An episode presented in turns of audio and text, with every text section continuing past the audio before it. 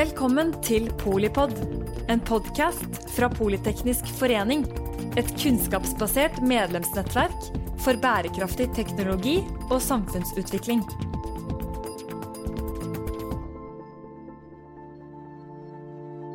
Hva skjer med demokratiet? lyder det store spørsmålet. Og jeg advarer vel allerede om at formatet er såpass trangt at det ikke blir tid til å gi absolutt alle svar. Men jeg lover at panelet akter seg innom noen sentrale temaer. Og til samtalen så er vi så heldige å ha med oss Jette Christensen, tidligere stortingsrepresentant for Arbeiderpartiet og nå leder for riksvalgstyret. Og Jette kan vel også røpe skriver på en bok om demokratiets utfordringer. Gina Gylver, leder for Natur og Ungdom og en markant stemme i samfunnsdebatten.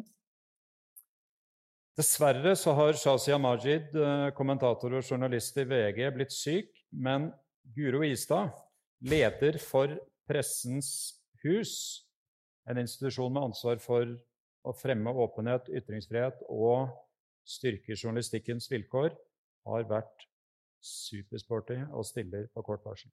Og til slutt har vi vår egen Carl Henrik Knutsen, statsviter ved Universitetet i Oslo, en sentral demokratiforsker som i flere år har bidratt til den internasjonale demokratiundersøkelsen Varieties of Democracy, og som også er en av lederne på prosjektet Tilstandsanalyse av det norske demokratiet. Til å lede samtalen har vi med oss mangeårig NRK-journalist og programleder Ole Torp. Jeg hadde nær sagt over til Bergen. Tusen takk for det, Tore. Velkommen til uh, dere alle her. Um, ja, siden du la den på listen, Tore, um, så tenkte jeg jeg skulle begynne med hun som har representert demokratiet for Bergen. Nei, for Arbeiderpartiet. um,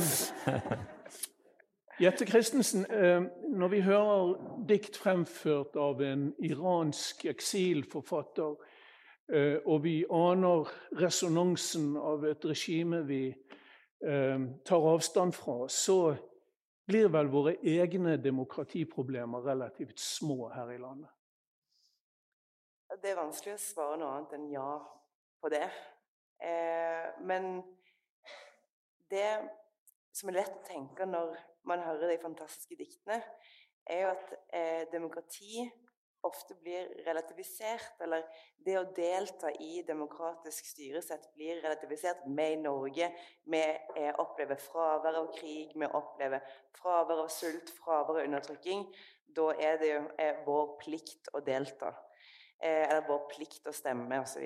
Jeg eh, syns ikke at det er en borgerplikt å stemme. Jeg mener at det er en politikerplikt å motivere mennesker til å stemme og ta del i demokratiet. Derfor er jo dette prosjektet som Universitetet i Oslo så viktig. De er med på å bygge vårt felles totalforsvar. Fordi at demokratiet lever bare av deltakelse, og deltakelse det får man jo kun hvis man får en følelse av at det er noe vits i å være med. Nettopp. Og uh, Karl Henrik Knutsen, du er uh, professor her ved universitetet og forsker på demokrati. ikke sant? Um, Eh, hva vil du si er det norske demokratiets største problem i øyeblikket? Det er, eh, det er et svar som jeg burde, som jeg burde ha et veldig klart, klart og enkelt og, og, konkret svar på det. Eh, det korteste svaret er at det norske demokratiet har ikke noen virkelig store, store problemer. Det har ikke det. Men det har, altså som, som Tore var inne på tidligere, demokratiet er et ideal. Det vil si at eh, heller ikke det norske demokratiet som eh, i demokratimåling etter demokratimåling, og det trenger ikke å være Videm-målingene, det kan være andre demokratimålinger, legger Norge mot toppen. Eh, vi kommer opp mot den beste skåren, men også det norske demokratiet har noe å strekke seg etter. Hvis jeg skulle nevne et par, par, ting, hvis jeg skal nevne én ting da, for å svare på spørsmålet ja. ditt, så er det antagelig det at mennesker i et idealdemokrati har ganske lik politisk innflytelse. I Norge i dag så er det noen som har langt mer innflytelse, både formelt og uformelt, over politiske prosesser enn andre. Så makten er ikke jevnt fordelt, den er skjevfordelt. Nesten uunngåelig, men der tror jeg vi har litt å jobbe på også for å spre makten ut på ulike grupper i samfunnet, det være seg knyttet til kjønn, etnisitet, hvor man bor osv. Ja, da er det lett å gå til deg, Gina. Gina Gilbert. Du er leder for Natur og Ungdom. ikke sant? Og eh, det er lov å kalle deg aktivist. Har, vi har sett bilder av deg i, i lenker i uh, Førdefjorden i hvert fall, kanskje i Repparfjorden også. Um, hvor du har protestert mot, uh, mot uh, gruveslam i disse to fjordene våre. føler Føler unge, la oss si det litt bredt, da, føler unge mennesker i dag at demokratiet svikter? dem? Absolutt. Det vil jo variere fra hvem du spør, men i hvert fall fra mitt ståsted så, så opplever jeg det. Vi står overfor noen helt enorme, altomfattende kriser, hvor vårt politiske system har sviktet i tiår etter tiår etter tiår i å ivareta våre og andres grunnleggende rettigheter. Så, så, ja, det at man føler et behov og en plikt for å utøve sivil ulydighet, eh, bryte loven, ta det steget, og også um, måtte, ja, bruke rett og slett sin egen kropp for å hindre eh, For å hindre ja, f.eks. miljøødeleggelser eller overgrep, menneskerettighetsbrudd, så er det jo noe som er galt. Mm. Hva mener du kan at, hvordan mener du det kan fikses? Det er et stort spørsmål. Eh, og jeg tror i møte med klima- og naturkrisen så trenger demokratiet og vårt politiske system enorm hjelp. Eh, man møter utfordringer man ikke selv eller tidligere har stått overfor. Eh, Akkurat nå så er det jo sånn at vi kan, eller ganske mange kan stemme ved norske valg annethvert år, men veldig mange av de som vil leve med konsekvensene, de verste konsekvensene av de valgene vi tar i dag, de kan jo ikke stemme. Eh, de ikke, eh, kan ikke legge den stemmelappen i, i urnen. Eh, det handler om fremtidige generasjoner. Men også folk som lever på andre siden av kloden, som kjenner på kroppen konsekvensene av norsk klimapolitikk, men som ikke har noen stemme inni våre systemer. Og da trenger man aktivisme. Og du spurte er det lov å kalle meg aktivist. Det er det største komplimentet noen kan si. Det er aktivist. Og ja, da, da, trenger man å anerkjenne også aktivismens rolle og plass og viktighet i demokratiet. Og man trenger at folk ikke bare stemmer, men også driver politikk for andre enn seg selv. Uh, og klarer å se mye lenger frem i tid enn de neste fire årene når det er et nytt stortingsvalg. Vi kommer tilbake til det. Uh, Guro Ystad, du er programredaktør for Pressens Hus, ikke sant? eller daglig leder som det. Vi, må, vi, kommer ikke utenom i denne diskusjonen å snakke litt om pressens ansvar i en tid hvor vi er utsatt for falsk informasjon, sosiale medier, ekkokamera, hat, rasisme og slike ting. I hvilken grad er det ditt inntrykk at pressen tar sin oppgave på alvor her som korrektiv mot alle de merkelige og til dels farlige strømningene vi ser i samfunnet? Det var også et stort spørsmål, ja. Eh, siden jeg er journalist, tar jeg bare hovedpunktene. eh, altså, jeg opplever jo at i hvert fall den norske pressen tar, eh, tar det ansvaret på veldig, veldig stort eh, alvor. Eh, og man ser det gjennom eh, prosjekter som faktisk eh, Som også fikk et sånn lite underprosjekt som verifiserbar. At man forsøker å liksom ta noen praktiske, ordentlige grep for å bekjempe falske nyheter og alt det vi blir utsatt for fra tech-gigantene også. Men jeg tror at dette i veldig, veldig stor grad handler om tillit. Altså Så lenge pressen skal ha en, en viktig stemme i samfunnet, så må vi ha tillit i befolkninga. Og der tror jeg vi har en kjempestor jobb å gjøre fremover. Sånn at vi ikke ser eh, det raset i, i tillit som vi har sett f.eks. i USA de siste årene. Eh, før, eh, før, jul så var jeg i New York og var så heldig å få høre på Jay Rosen, som er professor ved eh, NYU. Og han snakka om den tilliten i, til eh, amerikansk presse som egentlig har vært i fritt fall siden 1975. Og hva gjør man da for å gjenoppbygge den tilliten? Um, og Der kommer man inn med et grep som heter Citizen Agenda. Så nå begynner jeg å snakke veldig mye og lenge her, du får bare stoppe meg. Eh, som jo handler om mye mer involvering i folket. Og det tror jeg er en veldig viktig brikke for pressen fremover. Involvering. Og kontakt. Toveiskontakt. Eh, å være presse er ikke lenger. I den grad det var det tidligere, så er det ikke lenger en enveiskommunikasjon.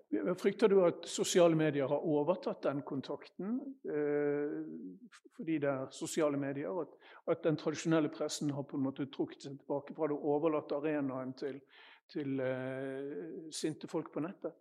Jeg er ikke så sikker på om det var en arena å overta, egentlig. fordi at pressen før var i mye mindre grad i kontakt med sitt publikum, sine lesere, seere og lyttere.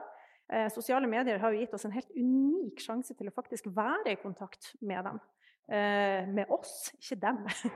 eh, men vi har kanskje ikke røkta den oppgaven godt nok.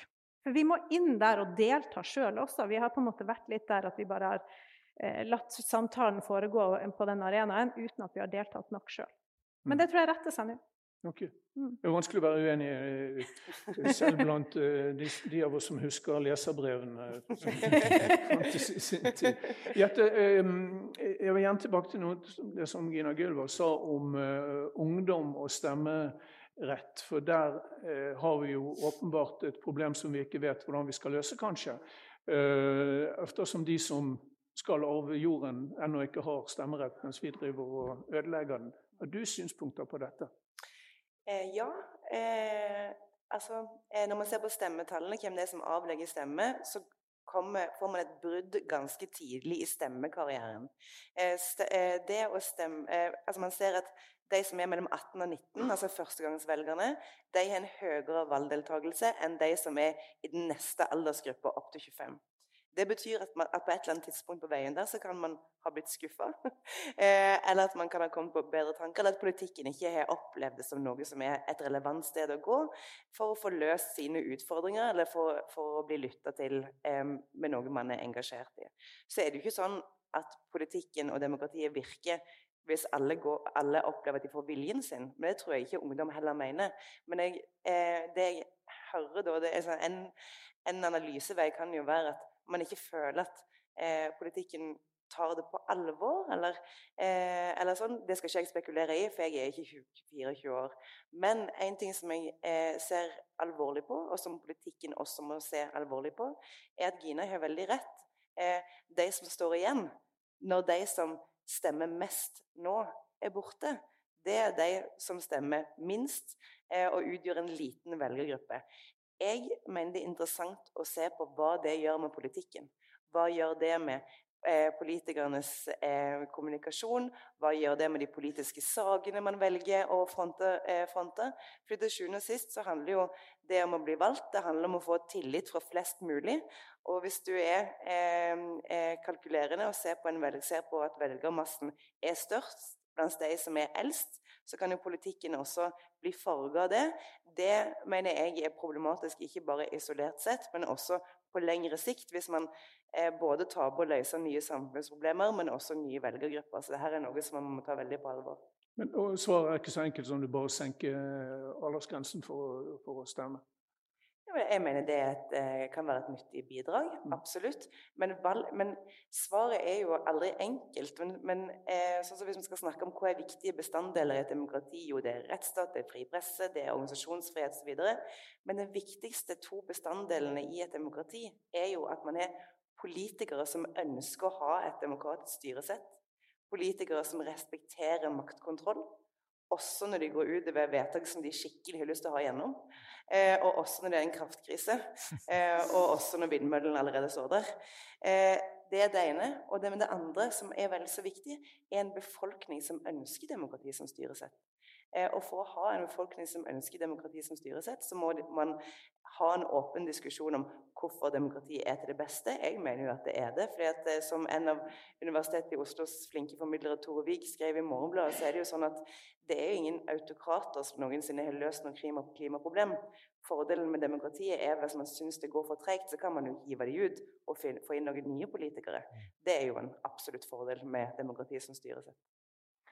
Karl Henrik, ser dere på dette i, eh, i eh, demokratiforskningen? At, I hvilken grad folk ønsker uh, demokrati, eller om de ser seg om etter sterke ledere, autokrater og militærstyr og uh, falske demokratier og slike ting? Ja, det, det, har lenge vært en, en, viktig del av demokratiforskningen. Altså, man har hatt uh, forskning på institusjoner og politiske eliter, og hva det, hva det politikerne gjør. Eh, også dette forholdet til befolkningen. Men, men befolkningens eh, normer og holdninger og ønsker om demokrati har jo lenge vært, eh, vært studert. og Tidligere har det gjerne vært sånn at man har brukt store tverrnasjonale, tverrnasjonale spørreundersøkelser. som World Value Survey er kanskje den største.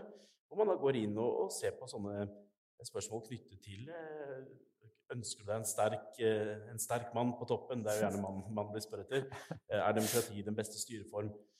En av funnene fra den forskningen er at eh, demokratiet står ganske sterkt. Altså, det er jo ikke enerådende, og det vil være grupper i ulike land som ønsker andre styreformer. Men hvis du spør folk litt sånn abstrakt, så er demokratiet den foretrukne styreformen i de fleste land. Selv om det er klare variasjoner da, mellom land. altså Det står sterkere i Norge enn i Russland. Så har demokratiforskningen beveget seg litt videre på det. For det er å skrape litt i overflaten og si ok, men du sier Ola, at du ønsker demokrati, men er du villig til å betale mer skatt? Mm. Eh, og, eh, altså Hvis en diktator kommer og sier at du går ned 20% i skatt, hva, hva ville du valgt da? Eh, så man har begynt å se på den type avveininger. altså Når du virkelig må gi fra deg politikk som du selv brenner for, klima f.eks., eller eller det være seg sant, omfordeling eller andre ting, er man da villig til å stå støtt og støtte demokratiet? Og da er svaret litt mer pessimistisk. Ganske mange mennesker er villige til å ofre på demokratiske prinsipper for å oppnå eh, politikk de selv ønsker. Så da blir det da å bygge systemer som er robuste, sant, som kan ta inn og justere, hvor alle får lov til å gå inn i en hestehandel og, og, og liksom fremheve demokratiets eh, mer sånn dynamiske karakter, og hvorfor det tross alt eh, lønner seg på sikt. Det blir en viktig debatt. Og dette går helt ned på personlig vinning og personlig rikdom og ja.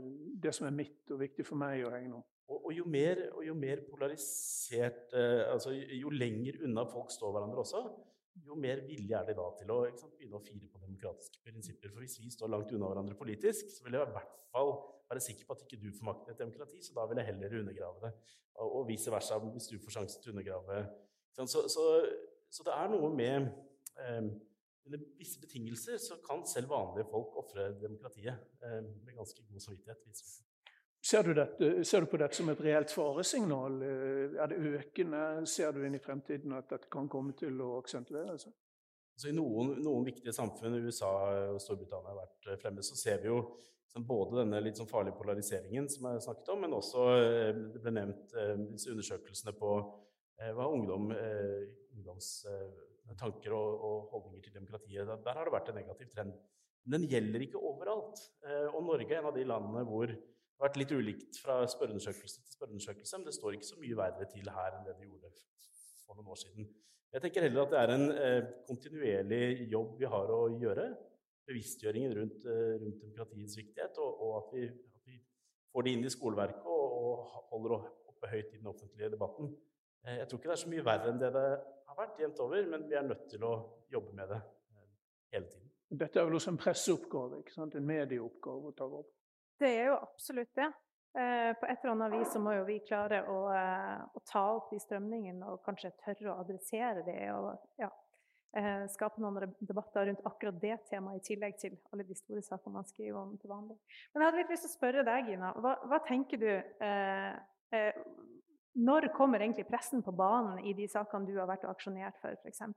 Er, liksom, er vi godt nok i forkant, eller kommer vi løpende etter når dere har inntatt et departement eller, eller annet? Ja, nei, Vi har jo snakket en del om det i Fosen-saken særlig. At, at, vi opplevde at pressen var ikke der. Eh, og når vi ble ja, sittende der torsdag, gikk inn torsdag morgen, skjønte at vi ikke kom til å bli hentet ut, forsto at vi skulle overnatte, var klare for sivil ulydighetsaksjon, Eh, noe som er utrolig eh, unikt i urfolkssammenheng. Det skjer ikke ofte. Repparfjord er en av de få sakene også, og siden Alta er jo dette uten tvil det største som har, som har skjedd på den fronten. men, men det var veldig stille. Eh, og så opplever vi samtidig at departementet også ønsker å isolere aksjonen. Eh, vi våkner opp fredag morgen til at eh, lobbyen er stengt. Verken ansatte eller presse eller mat slipper inn. Eh, og fortsatt er det relativt stille, og vi må ringe og ringe og ringe. Og eh, folk er ikke liksom spesielt interessert i å dukke opp. Eh, og så tar det jo virkelig av etter hvert. Og, og, det ble jo enorm pressedekning Eh, særlig, særlig uka etter. Men, eh, men, det er jo noe vi har gitt tilbakemelding på og, og snakket mye om i ettertid. Hvorfor, Hvorfor er ikke pressen der når, det, ja, når vi trenger at de er der da, fra start? Um, og at det er noe vi føler egentlig veldig mange klima-, miljø- og urfolkskamper. At det mangler, at det er stille, og at vi må kjempe så utrolig hardt for hvert eneste presseoppslag. Ja, for jeg tenker jo at eh, Litt tilbake til det Karl Henrik sier, at det er jo en eh, det, det, at man liksom bare sitter og forstår sin egen side av saken, eller bare er engasjert i de sakene man sjøl brenner for, eller noe sånt, det er jo litt vår feil, da, hvis man skal ta det litt innover seg. At vi ikke klarer å liksom løfte de før det smeller.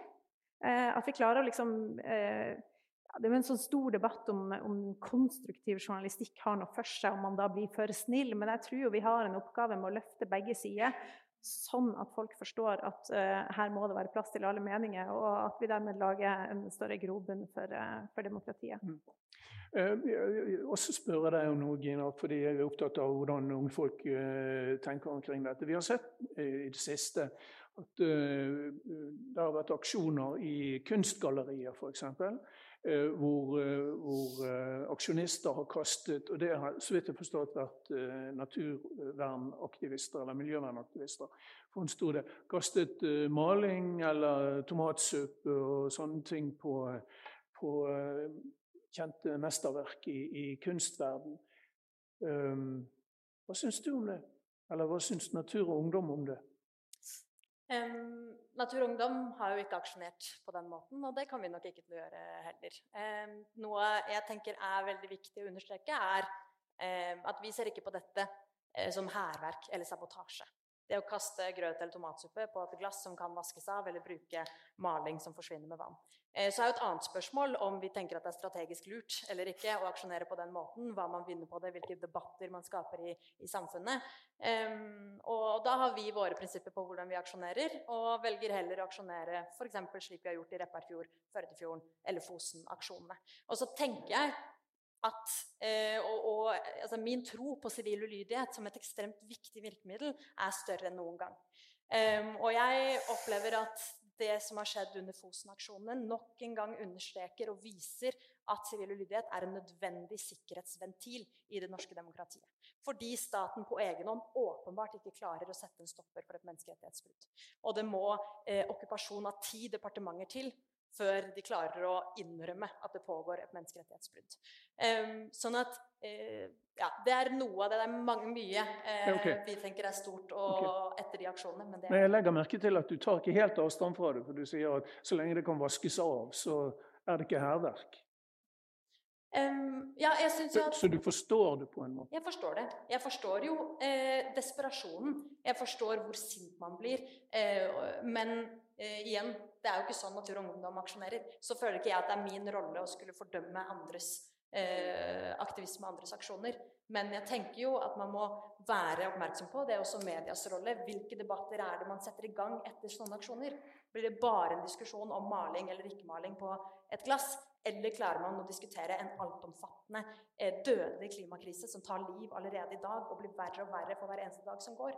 Og det er de debattene vi trenger. Hvilke tiltak trenger vi? Hvor hva skjer med politisk handlingslammelse, som vi ser? Um, og det skulle jeg jo ønske at uh, det må miljøbevegelsen bli bedre på, å få de diskusjonene på banen, og pressen og alle andre som tar ordet i debatten. Mm. Kan jeg få synspunkter på dette? Jeppe? Ja, absolutt. Så jeg var politiker i gamle dager. I 2001, 2021. Eh, så da eh, var jo verden helt annerledes. Men jeg, og jeg har ikke jeg kommet her for å dømme levende og døde. Eh, men eh, jeg kan si eh, noe Så de politiske løsningene i denne konflikten de ligger til storting og regjering å finne ut av, ikke Høyesterett. Det var jo mange politikere som var litt lei seg for, for de skulle gjerne hatt et svar på om det skulle rives eller ikke. Men det til side. Denne diskusjonen her er, er jo egentlig enda mer prinsipiell enn Fosen og, en, og om eh, minoritetsrettigheter, den handler jo rett og slett om eh, hvilken type maktkontroll er det stortingspolitikere godtar og ikke godtar, og regjeringen godtar og ikke godtar. Fordi at de, eh, Hvis vi skal fortelle andre land at de skal følge menneskerettigheter, grunnlovsprinsipper, konstitusjon, og at vi skal fortelle andre land at de at de skal eh, følge sin egen konstitusjon, så må vi ha et reflektert forhold til hvordan vi forvalter vår egen konstitusjon eh, og vedtak for vår egen høyesterett. Så dette her er en diskusjon som ikke er ferdig når man finner en konklusjon på Fosen-saken, eller når de avbøtende tiltakene oppleves som gode nok eller ikke. og sånn, skal ikke gå inn i det, Men denne diskusjonen her kommer til å gå videre.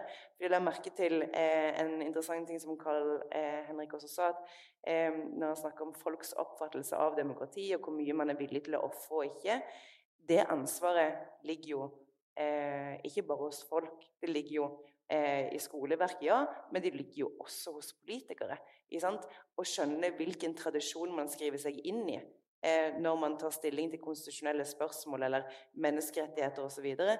så denne eh, debatten som vi har nå, er jo egentlig eh, jeg er helt sikker på kommer til å bli pensum- og skoleeksempler om ikke så veldig kort tid. fordi at man ser aktører som, som Eh, skriver seg inn i historier eller i tradisjoner som man kanskje ikke helt er bevisst på at man faktisk gjør. For jeg tror ikke eh, at noen politikere som sitter i storting og regjering i dag, jeg tror ikke at noen av dem vil bygge ned demokratiet med vilje. Men av og til så sier de og gjør ting som får de til å høres sånn ut, og da må de ansvarliggjøres. Mm. Um, vi, vi, kan ikke ha den diskusjonen uten å snakke om uh, krigen i Ukraina. Det må være helt åpenbart at den, den uh, russernes angrepskrig i Ukraina må få en eller annen um, effekt på demokratiet i Ukraina, som er et uferdig demokrati, og i resten av Europa. Karl Henrik, hva tror du? Hva slags, hva slags forandringer ser du for deg i, i demokratiene i Europa i ly av Ukraina-krigen? Mm. Jeg tror det er, eh, det er, et spørsmål som kommer til å være veldig mye lettere å svare på om, eh, ti år. Det er jo gjerne sånn når historien har, eh, har en tendens til å, å, å, snu og vende på seg og, og lede til uforutsette konsekvenser. Men, men, det jeg tror er verdt å sette pengene sine på, er at det kommer til å ha konsekvenser. Ikke bare for eh, systemet i Ukraina og, og, og, i Russland og i, og i nabolandene, men, men, også at det kan ha en påvirkning på, eh, på den mer sånn globale demokratisituasjonen. Eh, og jeg tror en av altså Veldig mye avhenger av hva den militære løsningen er. Hvis man skulle få en situasjon hvor eh, Russland taper veldig klart og, Putin-regimet ryker, så, så, tror jeg det er en av de få hendelsene eh, vi kan observere de neste årene som kan snu en negativ trend med stagnasjon og til og med tilbakegang. Russland er en, en aktør som har eh, måtte bokset eh, litt eh, i en høyere vektklasse enn det egentlig skulle. De har fått veldig mye ut av eh, pengene i, i form av å blande seg inn i, i, i, naboland og påvirke demokratisituasjonen både i nabolag og i, og i, andre land. Så de har aktivt vært med på å støtte antidemokratiske krefter i, mange land, spesielt i nærområdet.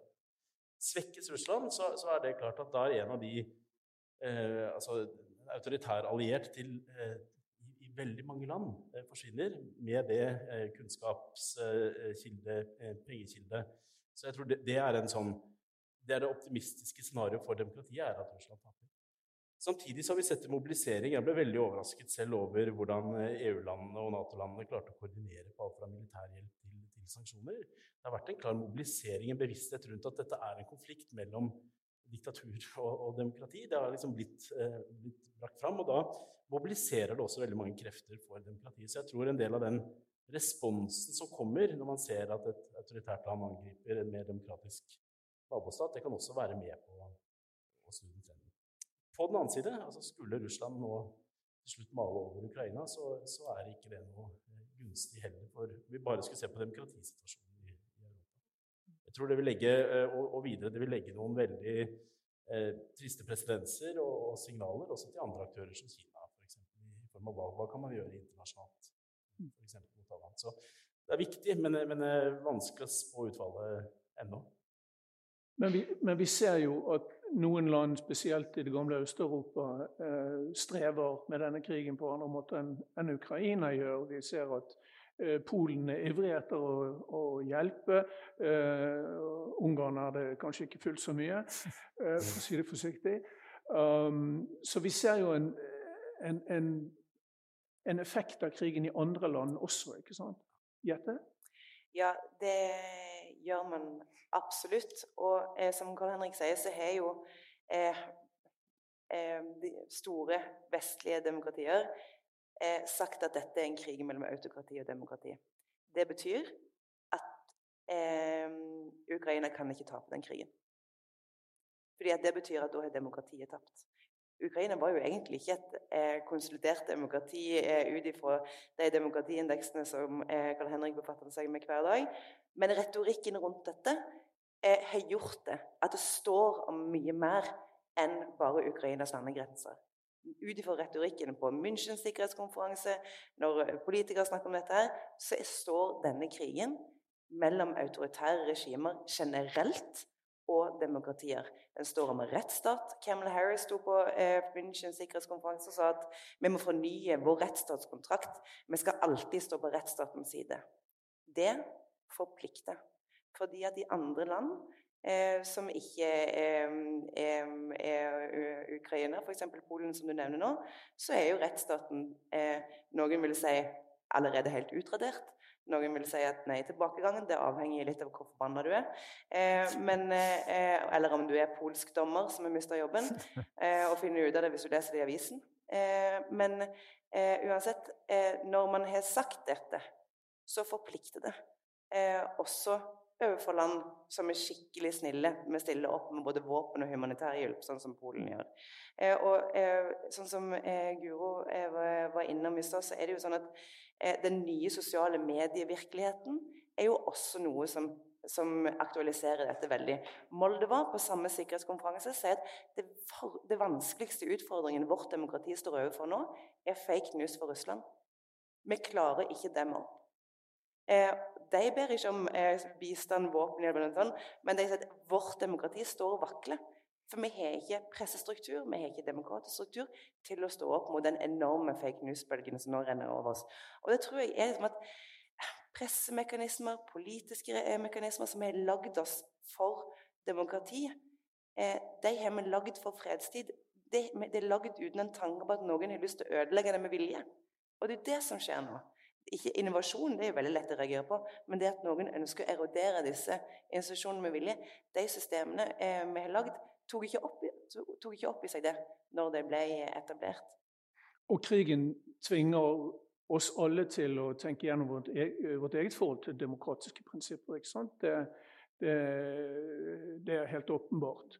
Eh, jeg tror det er i, kapittelet i den boken du har vært med å skrive, at du sier at du kan også få det utfallet at i noen land var det i USA, hvor 7% sa at det hadde vært en god idé med en sterk militær leder.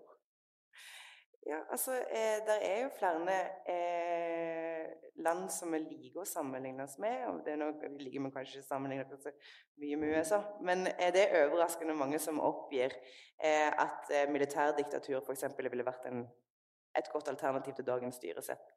Eh, og det sier vel egentlig kanskje mer om styresettet når den undersøkelsen ble tatt opp i 2017.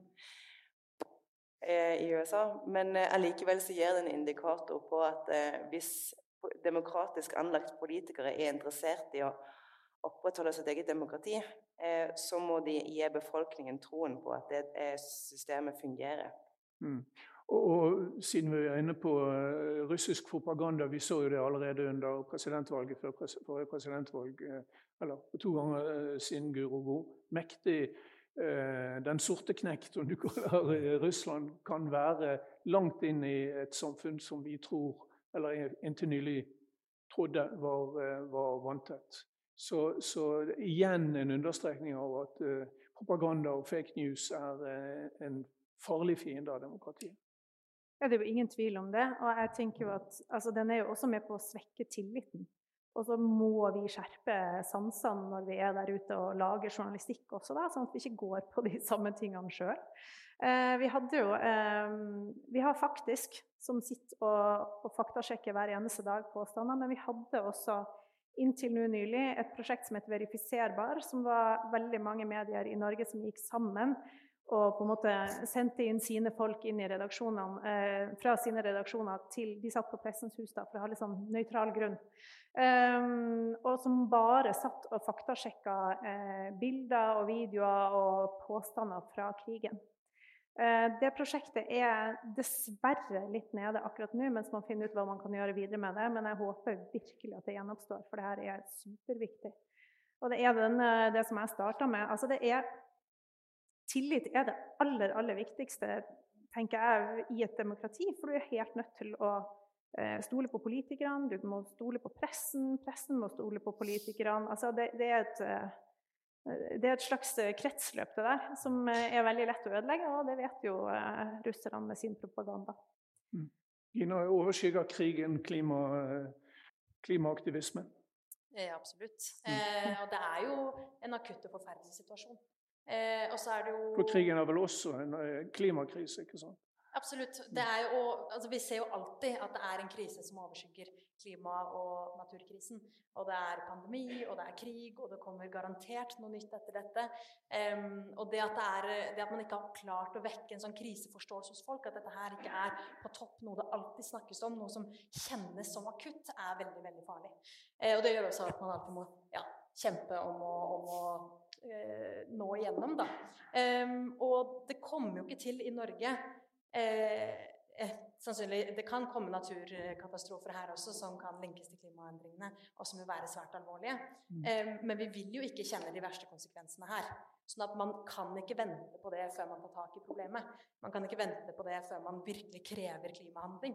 Eh, så det er jo en av de store utfordringene. Hvordan skal man sørge for at dette er noe folk at folk kjenner på en trang til å ta til gatene, kreve handling og svar fra politikerne. Og der har politikerne også et enormt ansvar. Fordi vi har akkurat nå eh, ikke hatt noen regjering som klarer å peke med hele armen, klarer å fortelle folk hvor vi må. Og når vi vet at, når vi får tall på at en fjerdedel av Norges befolkning er klimaskeptikere Altså Det er helt sinnssykt. Det er et utrolig vanskelig utgangspunkt for klimaaktivisme. Og da trenger man folk på øverste hold som tør å formidle hva som må til, og hvor raskt vi må komme dit.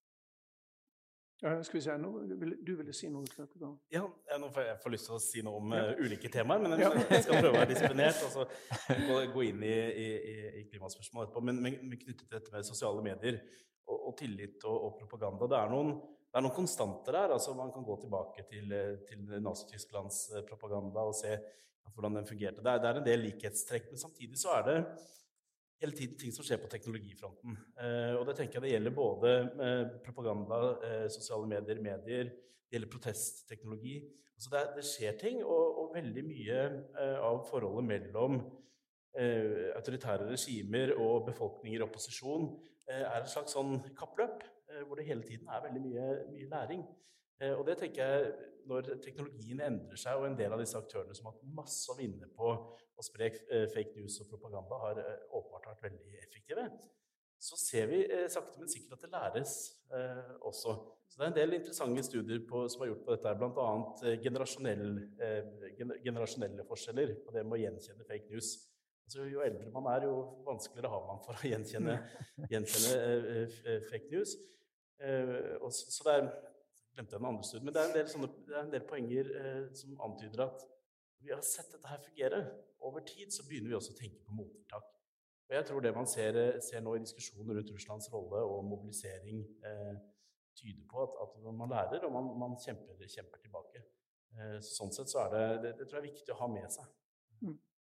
Så har vel du sagt at når det er noen, som, noen forskere som mener at vi trenger mindre demokrati kanskje enn mer demokrati, fordi at demokratiet ikke er så effektivt til å løse de store problemene. Har jeg forstått det riktig? Altså, så det knytter jo det, Tore, ja. Eh, Tore, presenterte prosjektet vårt her på, på innvendinger mot demokrati. Og det er klart, det er noen ting demokratier gjør dårligere enn autoritære regimer. Det der skriket på den sterke leder kommer. Ja, og, og det, er, det, er, noe med at hvis du skal koordinere, og du skal ha med deg alle på laget, og du har en masse vetospillere som du skal eh, kanskje overbevise eller forandre det tar jo tid. Så det, så det, kan ta tid å sette i, i, i verk tiltak. Det å få masse ressurser, f.eks. vil du bygge en svær skyskraper eller en stor flyplass, så er det bedre å være i et autoritært regime enn i et demokrati. Du kan få, få ting gjort. Men det som da veldig ofte skjer, er jo at uh, disse, uh, disse, beslutningene og prosessene går for fort. Altså, du ser vanvittig med sløsing og gale beslutninger i autoritære regimer som du bare ikke får i demokratier, fordi du får en, en offentlig diskusjon og du får en, en, skikkelig prosess. Så det sløses mindre med penger. Dessuten så får du opp, du får opp ulike stemmer som har forskjellige ideer, og som belyser saker fra, fra ulike sider. Så du får ofte mye smartere politikk i demokratier. Så diktaturer er mye bedre på liksom Bygg en skyskraper her og nå, konkret. Eh, sykehus i Wuhan, 74 gravemaskiner på vei inn på, på to minutter. Det kan autoritære regimer. Men det å bygge systemer som, som fremmer teknologi, eh, som løser de store, store, problemene for i morgendagen, der er demokratiet mye bedre. Altså på kunnskapsutvikling og bred involvering og nye ideer. Så på lang sikt så, så kommer den skilpadden som demokratiet er, og, og overvinner haren, for å bruke en litt dårlig metafor. Men, men, men, men, vi ser urovekkende tegn til at demokrati er på tilbakegang. Er det en objektiv sannhet, eller er det bare en tendens eller en følelse eller noe vi aner konturene av? Det avhenger litt av hvordan du måler og definerer demokrati, men, men de fleste mål på demokrati viser ja, Vi vil helst snakke om demokrati-demokratier, de ja. som har frie valg og hvis du, hvis du, ser på frie valg, så er ikke tilbakegangen så veldig, veldig stor. Hvis du ser på eh, beskyttelse av sivile rettigheter, sivilsamfunnets kår, mediefrihet, så er tilbakegangen mye større. Og så har tilbakegangen vært større i en del folkerike land. Så hvis du vekter India mer enn du vekter Fiji, f.eks., når du ser på disse demokratigjennomsnittene globalt, så er tilbakegangen mye større.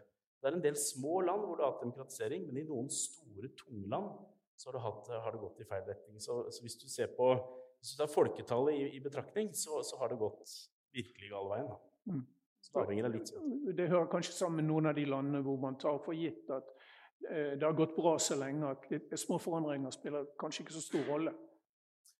India er jo et eksempel på et eh, demokrati som har vært i mange mange tiår, og som har gått i gal, gal Gått i gal retning. Ja. ja. og jeg og Henrik er veldig rett i dette at valg er jo ikke en god indikator på demokrati. ikke sant? Eh, for hvis du ser, eh, Som Karl Henrik sier, så er det jo sånn Ja, noen Altså, det er ikke flere som taper valg og nekter å gå av, f.eks. Eller det er ikke færre land som gjennomfører valg, men valg er jo ikke eh, det, betyr, det at du gjennomfører valg eller arrangerer et valg, betyr jo ikke at du er en demokratisk stat.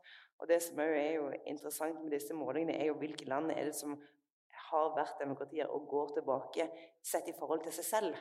Ikke sant? Det er jo den reduksjonen som i hvert fall på vårt kontinent, og vi snakket jo nettopp om Polen, som er isolert alvorlig. Så eh, hvor stort folketallet er i India, eller antall valg som blir gjennomført og sånn, det er viktig.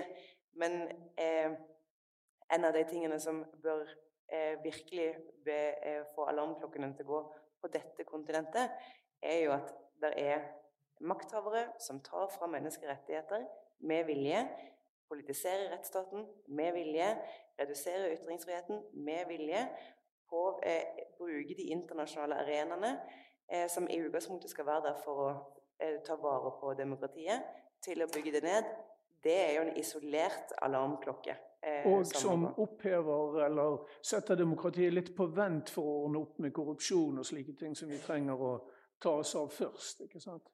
Ja, altså eh, Nå snakker du som en god autokrat. eh, er i hvert fall en aspirerende. Altså, eh, det er jo det som, det er, det som er eh, mange ganger understøtter hvorfor eh, man velger Eller hvorfor man eh, det er historien autokrater forteller om hvorfor de gjør det de gjør. Ikke sant? Jeg er en sterk leder. Her har vi en nasjonal krise i korrupsjon som de andre holder på med. Jeg skal bare innom her og rydde opp. Da må vi justere litt ned på pressefriheten, eh, ytringsfriheten, organisasjonsfriheten, mindretallsrettigheter eh, og uavhengig domstol. Why? Eh, ikke sant? Eh, men, men, det å iscenesette seg selv som den eneste sterke leder som kan fikse et opplevd problem, er jo en kjent strategi. Men men, eh, ja, og det bør bekymre. Og særlig når det ikke bare angår deres eget land, men, men også de institusjonene som vi har lagd for å sørge for at demokrati skal finne sted. Jeg må bare spørre, på, det, på dette tidspunktet skulle jo vært en Shazia Majid, men, men, hun har som meldt forfall her i dag. Jeg lurte på om dere som undersøker og uh, forsker på demokratiet, vet hvordan det står til med innvandrerminoritetens forhold til demokratiet. Er det mulig å oppsummere det på, på kort tid. Vi vet, at, vi vet vel at valgdeltakelsen er lavere, gjør vi ikke det? Den er, den er lavere spesielt, Og spesielt blant kvinner. Ja, det, det, husker jeg ikke helt kjønnsfordelingen. Eh, på den annen side, unge, unge, menn uten utdanning er også en sånn og, det er både majoritetsbefolkning og minoritetsbefolkning. Det er klart det, det har vært studier også som eh, av økonomer og statsvitere og andre som ser på hva det å si hvor man eh, kommer fra. altså Man tar med seg normer og praksiser eh, der man kommer fra, og at det er litt sånn rester av det når man flytter, selv om man flytter til et helt annet politisk system. Så til en viss grad så, så, så kan det være eh, kulturforskjeller. Men, men likevel så er det jo sånn at over tid, og i et såpass eh, sterkt demokrati som det norske, med eh, partier, sivilsamfunnsorganisasjoner som, er, som har evnen til å mobilisere folk, så vil jo også det å, det å ta opp eh, nye grupper og kanalisere eh, deres interesser og preferanser og få, få, dem til å ta del i systemet. Det skal jo egentlig være rigget til å få det til. Eh, men det er klart det er jo ikke gjort sånn i en, i en håndvending. Og ofte så er det jo de som da har vært på et sted og har sterke nettverk, som kontrollerer partiene og organisasjonen. Og, så det er jo ikke bare bare å flytte til et annet land. Men du sier det er på riktig vei? Ja. Mm. Det, altså det, det tar tid. Det tar tid, men ja. Eh, på riktig vei. Ja, jeg, jeg, bryter deg av nå ja. fordi jeg er for sint uh, fra, uh, fra første poeng. Helt til slutt, uh, er det noen som har fasitsvaret på hvordan vi det første vi må gjøre for å holde demokratiet ved like, og kanskje forbedre det i, i Norge? Jeg vet at du mener at aksjonisme er demokratiets støttehjul. Så svarer er kanskje mer aksjonisme, eller? Eh, absolutt. Alltid mer aksjonisme, eh, tenker jeg er det beste som kan skje. Men eh, ja, fordi Fosen-saken er alt uh, i mitt hode for tiden, i hvert fall, uh, så er jo det det første eksempelet. Uh, enig i at tillit er den aller viktigste komponenten i et demokrati. og det staten Norge nå må gjøre, er å gjenopprette tilliten den samiske befolkningen har til staten, til rettsstaten. Og da må man stanse det pågående menneskerettighetsbruddet. Og det burde jo være steg én. Og da tenker jeg man bør heller være redde for å gjøre for lite enn for mye. Ok. det, det er en god punchline fra deg. Jette? eh, vi må bygge et stort demokratisk totalforsvar. Og det er jo dette prosjektet til Universitetet i Oslo en veldig viktig komponent for. Fordi at vi må gjenfortelle for oss sjøl hvorfor demokrati var viktig, egentlig. Hvorfor står det i Grunnloven at, ikke bare, eh, at ikke bare Norge er en demokratisk stat, men, men, at vi også skal jobbe for å bevare den som en demokratisk stat? Hvorfor er det så lurt med dette demokratiet som styresett? Hvorfor er det eh, det som skaper minst sosial uro, det som skaper økonomisk vekst, det som skaper handel, trygge menneskerettigheter osv.? Eh, og så må vi gi hverandre muligheten til å diskutere hva det betyr for oss. Og så må vi gjøre politikken mer relevant og nærmere. Og så må vi eh, ha denne samtalen gående såpass lenge at, eh, når, at vi får flest mulig som når de leser avisen, kan gjenkjenne en eh, aspirerende autokrat når den kommer. Kan gjenkjenne en antidemokratisk populist når den kommer. For det er jo det som er faren. Hvis vi går søvngjengende inn i denne diskusjonen, så eh, vil vi ikke være forberedt når den kommer. Og da er det ikke sikkert at Høyesterett legger ned, eh, legger ned, arbeidet og går ut neste gang det kommer noen nazister. Takk skal du ha, Jette. Eh, eh, Guro, har du en kortversjon av dette? Åpenhet. Eh, vi har faktisk et unikt system i Norge som gjør at både vi journalister og folk flest kan gå inn og sjekke postlister. Vi får innsyn i det vi stort sett det vi ber om. da. Hender jo det kommer tilbake igjen med litt svarte sorte merker på. De er ofte svarte Men, når de kommer ut. Ja. ja, det er ofte det. Men åpenhet er utrolig viktig. Uh, og så tror jeg at deltakelse, at folk føler seg involvert, er superviktig. Så det er jo også vår oppgave å sørge for at alle minoriteter er involvert, at liksom alle grupper i samfunnet er, er involvert. Tillit og åpenhet. Tillit og åpenhet og utenforskap er livsfarlig. Mm. Du får siste. Ja, nei, Det er veldig mange kloke poeng som har vært eh, tatt, tatt, opp her. Og det er en grunn til det. Altså, eh, vi sitter i denne tilstandsanalysen av det norske demokratiet så sitter vi med et indikatorsett på, som teller godt over 1000 indikatorer. 1000 forskjellige ting som er viktige for det norske demokratiet. Det er veldig vanskelig å fremheve én. Jeg tenker bare Som et generelt poeng så er det viktig, og det er ofte eh, lett å tenke at nå skal vi forbedre og vi skal gjøre det veldig mye bedre. Altså, det norske demokratiet har også veldig mye som går har gått veldig bra, og som gjør, har blitt gjort veldig bra i mange mange tiår. Jeg tenker det er også viktig å bevare en del av de trekkene. og Da tenker jeg spesielt på den korte distansen mellom politiske, eh, politisk opposisjon. Altså at, eh, at, man kan snakke med, med, med, sin politiske motstander. At man kan eh, tørre å delegere makt og innrømme feil, og at man har en god, god dialog basert på, tillit. som er nevnt. Så Eh, jeg tror jeg vil slå et slag for den konsensuskulturen. Eh, bevare, bevare den. Det var fryktelig konservativt, men eh, det begynner å bli Ja, men det er fint. Det er fint. Vi tar det derfra. Der. Tusen takk eh, til Gina Gylver og til Karl Henrik Knutsen, Jette Christensen og Guro Istad. Vi er litt over tiden. Jeg håper dere tilgir det. Så ikke vær redd for å rekke opp hånda. Vi har en mikrofon her. Er det noen som har noe de lurer på, eller eh, har dere fått alle svar? På, Var det ikke ganske bra, da? på det store? Det var veldig bra, det er ikke det. Men jeg, i hvert fall Ingen? Da eh, da blir det mange nye anledninger til å diskutere demokratiet i åra framover, eh, også i regi av UiO-demokrati. Men jeg takker dere og andre som har vært oppe på scenen her, og eh, også til alle dere som eh, deltok på mer stillferdig vis. Så må jeg nevne at UiO-demokrati har et nyhetsbrev som dere kan melde dere på.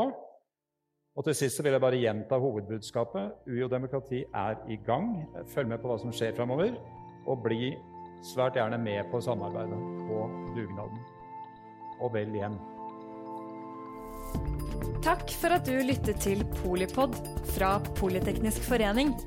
Få med deg flere episoder, eller bli med på nettverksmøtene som du finner på at polyteknisk.